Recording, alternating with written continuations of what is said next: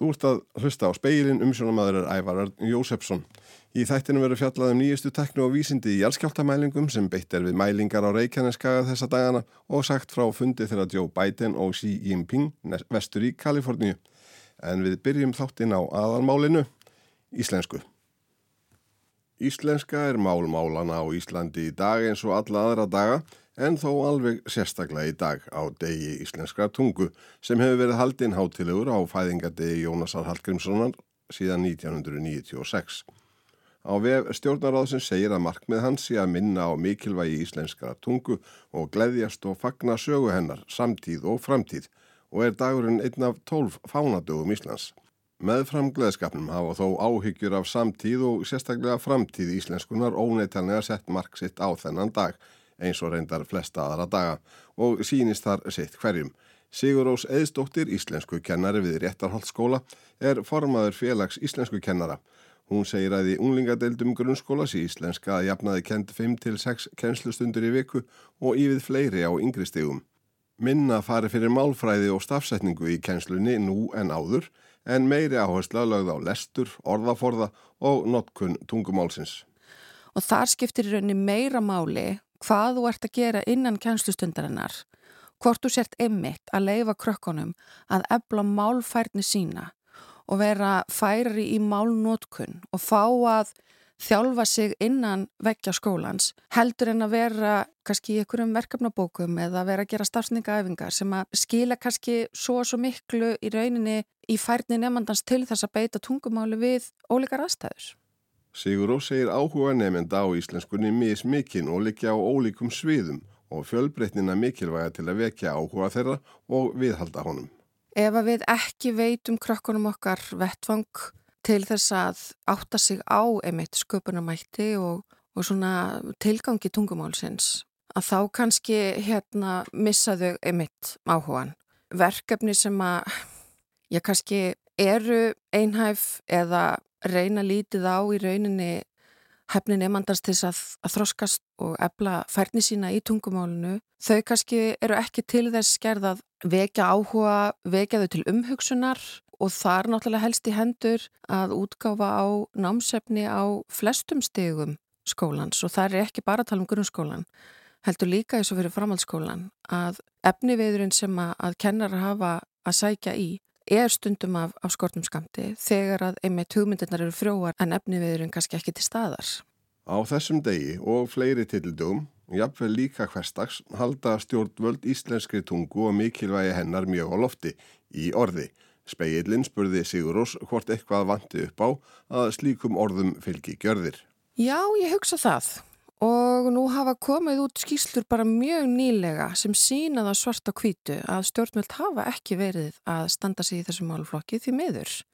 Alls konar skýslu líka gefnar út sem að lofa öllu fögru en, en fylgir kannski ekki með einmitt, og þetta snýst ekki alltaf um fjármagn eins og margir halda, að heldur líka að fá fólk til starfa til þess að uh, vinna í þessum málaflokkum, hvað var þar einmitt námsefni skerð og, og margt fleira. Þannig að já, ég myndi velja sjá meira gerast en að heyra meira. Tungumálið er mikilvægt verkfæri og grunnur, jafnvel forsenda svo ótal margs annars í samfélagi manna, hvort sem það er nám, fræðsla, praktískar upplýsingar, menning, dæradöl eða mannleg samskipti yfir höfuð.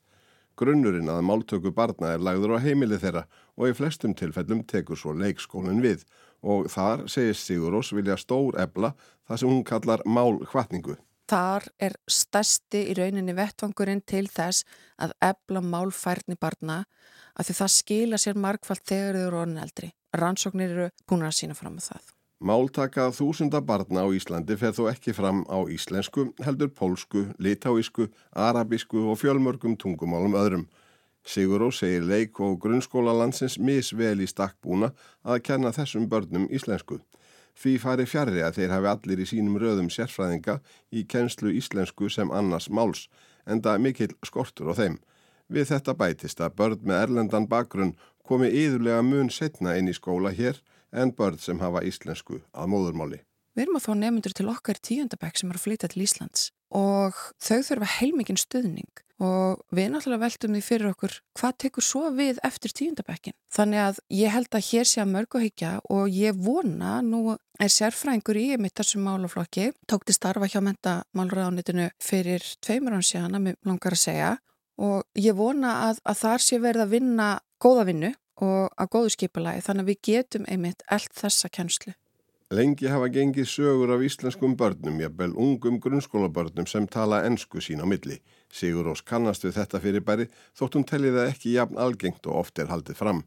Skýringuna megi meðal annars finnaði því að mikið frambóð sé af ennsku efni um allt á milli heimins og jarðar sem ekki sé endilega aðgengilegt á íslensku og börn læri yðurlega ennsk hugtök á sínu áhuga sviði langt á undan þeim íslensku. Það eru fullt af börnum sem að lesa og horfa á hverskins efni sem að er óaðgengilegt á íslensku og sækja þá í emitt enskuna. Þannig að já, það eru vissulega börn sem að nýta enskuna sem tjáningarform frekar heldur en íslenskuna og, og það er ekki bara í rauninni þetta, það er ekki bara áhuga málinn sem að segja til um það. En ég held að það sé alveg stór þáttur af því að börn sækja í enskuna að því að þau eru kannski að hlusta og lesa sér til um efni sem þau hafa áhuga á, á ennsku og hafa í rauninni ekki færðinu til þess að ræða það á íslensku. Og þrátt fyrir allt þetta hefur íslensku kennarin ekki stórar áhyggjur á framtíð íslenska tungu. Jafn fjölbreytt og öflugt menningarlíf og hér blómstrar á öllum sviðum hjá jafn lítilli þjóð og íslendingar eru beri vittni um að tungumálið sé bráð lifandi. Íslenskan er og heldur áfram að vera okkar helsta málverkfæri og það er margt sem er að gerast í íslenskunni og mál umhverfinu en ég held að við megum líka alveg horfa til þess góða og hampa því svolítið í staðis að tala íslenskuna niður að tala hana upp. Sæði Sigur Rós Eðstóttir.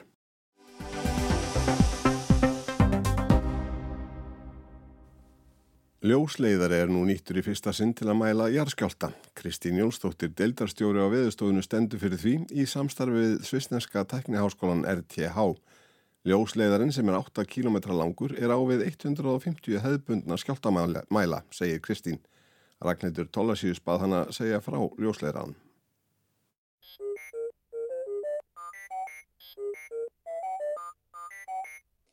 Þetta er svo sem ósköp vennilegu ljóslegari og þetta er ljóslegari sem er í eigu háis orku.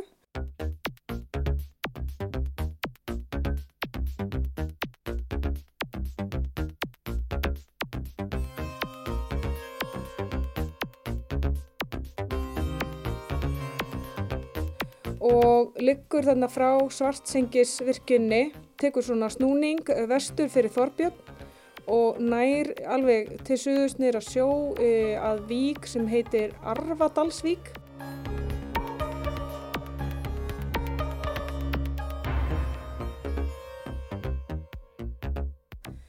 Hann er um 8 km langur þessi e, hluti e, á ljóslegaranum og, og það sem við erum að gera, sagt, við erum að nota e, eitt þráð úr ljóslegaranum, þetta er bara glerþráður og hver einst þráður er þinnre en mannshár og við erum að nota sérst eitt svona glerþráð til þess að mæla jarðskjálta og það sem við erum að gera núna, við erum að nota hann hreinlega í rauntíma eftirliti og þetta virkar þannig að við erum með tæki staðsett í svartsengi sem er svona, lítur út bara svona eins og tölva, borttölva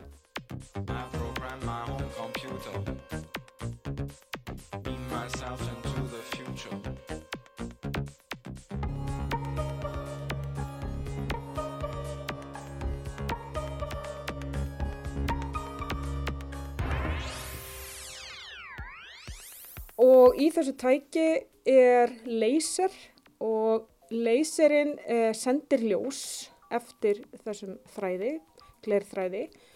Og í glerþræðinum þó þetta sé bara náttúrulega þráður sem er notaður bara fyrir gagnaflutning þá getur við notaðan þannig hátt að við, getum, við sérst, sendum ljós eftir honum.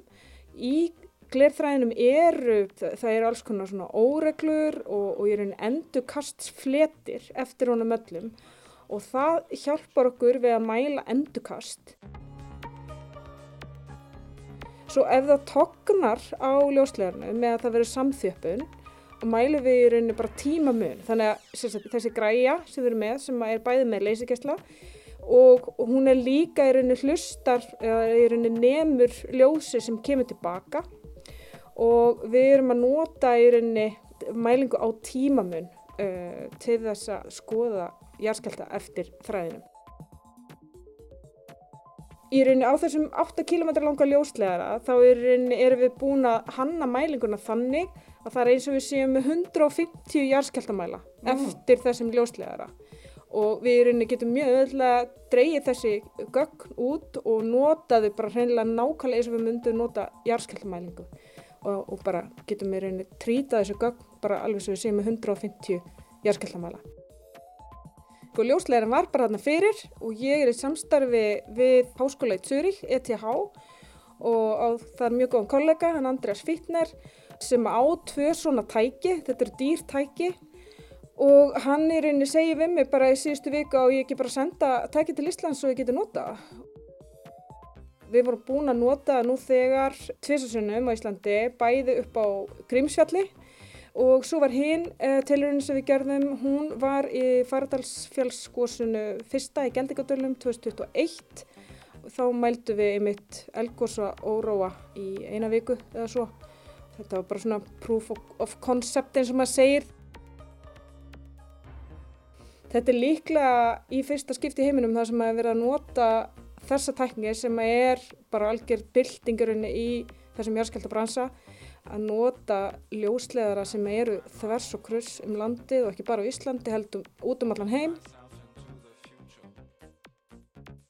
Og náttúrulega líka eitt af því sem að, að þetta gæti leist er, er reynlega það að það eru auðvitað dýrt að fara í þessar mæla, mælaferðir og, og viðhalda dýrum búnaði eins og upp á hálendi og hlust þannig að geta verið með bara svona ljósleðara og verið í rauninni bara með eitt tæki og einum enda e, það einfaldar náttúrulega allan rekstur svakalega mikið Þetta er flókin rekstur að vera með þessa hérna, jærskeltamæla og GPS-mæla og allt þetta.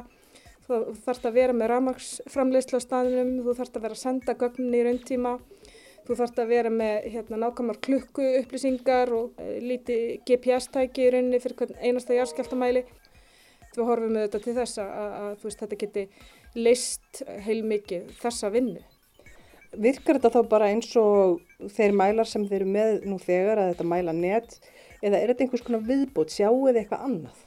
Já, þetta er smá viðbót vegna þess að við getum mælt uh, svo rosalega breytt tíðnisvið í þessu. Við getum mælt mjög háa tíðni og getum, þú veist, auðvitað bara stilt þessa hérna, sömbluna tíðni mjög hátt og séð mjög litla skjálta en við getum líka í rauninni skoðað svona lengri bylgjur og í rauninni fengið þá, já, svona hægari, miklu hægari reyfingar rauninni uh, mælt tóknun eftir kaplinum. Þannig að því leitið þá er þetta betra má segja heldur en að vera með hefðbundna járskjaldumæla. Þannig að í svona einhverjum draumaheimi myndur þú þá fá að nýta einn þráð á ljósleðurum viðamland? Já og við erum bara hreinlega að vinna í því. Uh, Markvist sækjum styrki og svo leist til að skoða þennan möguleika. Svona eina af svona teknilegu hindrunu núna er að leyserinn hann kannski drýfur ekki lengra en svona kannski 10-20 kílometra þannig að það þarf að leysa það tæknilega vandamál í rauninni að geta hlusta á ennþá lengri ljósleðara en þetta er allt í vinslu þannig að það eru spennandi tímar framöndan í, í þessum bransa.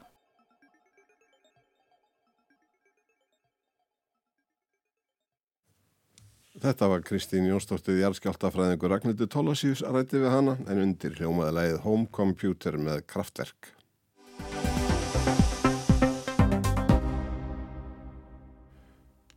Fyrsti fundur fórsetta Kína og bandaríkjana síðan á Bali í novemberi fyrra var á vinsamlegum nótum. Þeir sammæltust um að reyna að draga úr spennumillir ríkjana og ákvaða meðal annars að heimila að herlið begja ríkja tæki upp samskipti að nýju. Joe Biden og Xi Jinping hittust á sveitasetri utan við San Francisco í Kaliforníu. Þángað voru þeir fyrst og fremst komnir vegna leðtúafundar APEC, efnahags samvinnurraðs Asíu og Kirrahafsríkja. Samskipti bandaríkjana og Kína hafa verið með eindæmum styrð um skeið. Fyrir fram var ekki búist við að viðræður þeirra skiluðu miklum árangri og embættismenn í Washington vöruðu til dæmis við Bjart síni. Fundur leðtúana stóði um það byrj fjórar klukkustundir. Auk þess að sitja á raukstólum, snættuður saman og fengu sér gönguferði í gardi herrasetursins. Joe Biden sagði þegar hann rætti við frettamennað fundinum loknum að þeir hefðu ákveðið að koma á beitni milliliðalösri samskiptalínu sín í milli. Þá verða endurvakinn tengsl herliða begja ríkja en þau ropnuðu fyrir nokkru. We're reassuming military to military direct contacts. That's been cut off and it's been very worrisome. That's how accidents happen, misunderstandings. Við erum að hefja aftur bein samskipti herjana sem eru mjög mikilvægt. Þau ropnuðu sem var mikið áhyggjuöfni, þannig verða slísin, miskilningur, saði fórsetin. Það gerðist eftir að Nancy Pelosi, þáverandi fórseti fulltrúadeildar bandaríkja þings, fór í heimsokk til Tævans, eiríkisins, sem kynverir telja sig hafa yfirráð yfir og segjast reyðubúnir að taka með herrvaldi ef þess gerist þörf. Leituarnir gáfu sér góðan tíma til að ræða málefni Tævans. Bætan sagði að mörg ágreiningsmál fórsetana væri óleist. Skoðanaskipti þeirra á fundinum hefðu verið reynskiptin og sennilega hefðu viðræður þeirra verið þær uppbyggilegustu og árangurs ríkustu til þessa. Meðal annars sem leðtúarnir urðu ásátturum var að reyna að stöðva flóðu verkjalífsins fentanils og efna sem notuð eru til að búa það til frá Kína til vestrætna ríkja. Döðsföllum af völdum afneislu lífsins hefur fjölgað hratt undan farin ár.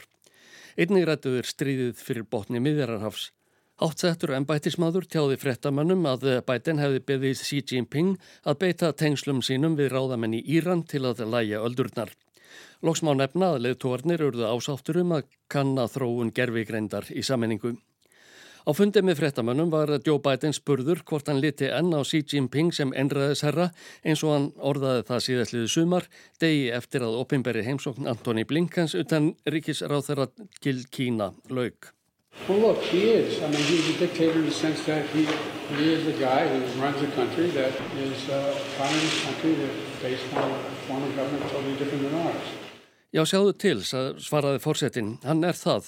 Ég á við að hann er enraðisherra í þeim skilningi að hann stjórnar landi sem er kommunistaríki sem byggist á algjörlega ólíku stjórnarformi en okkar.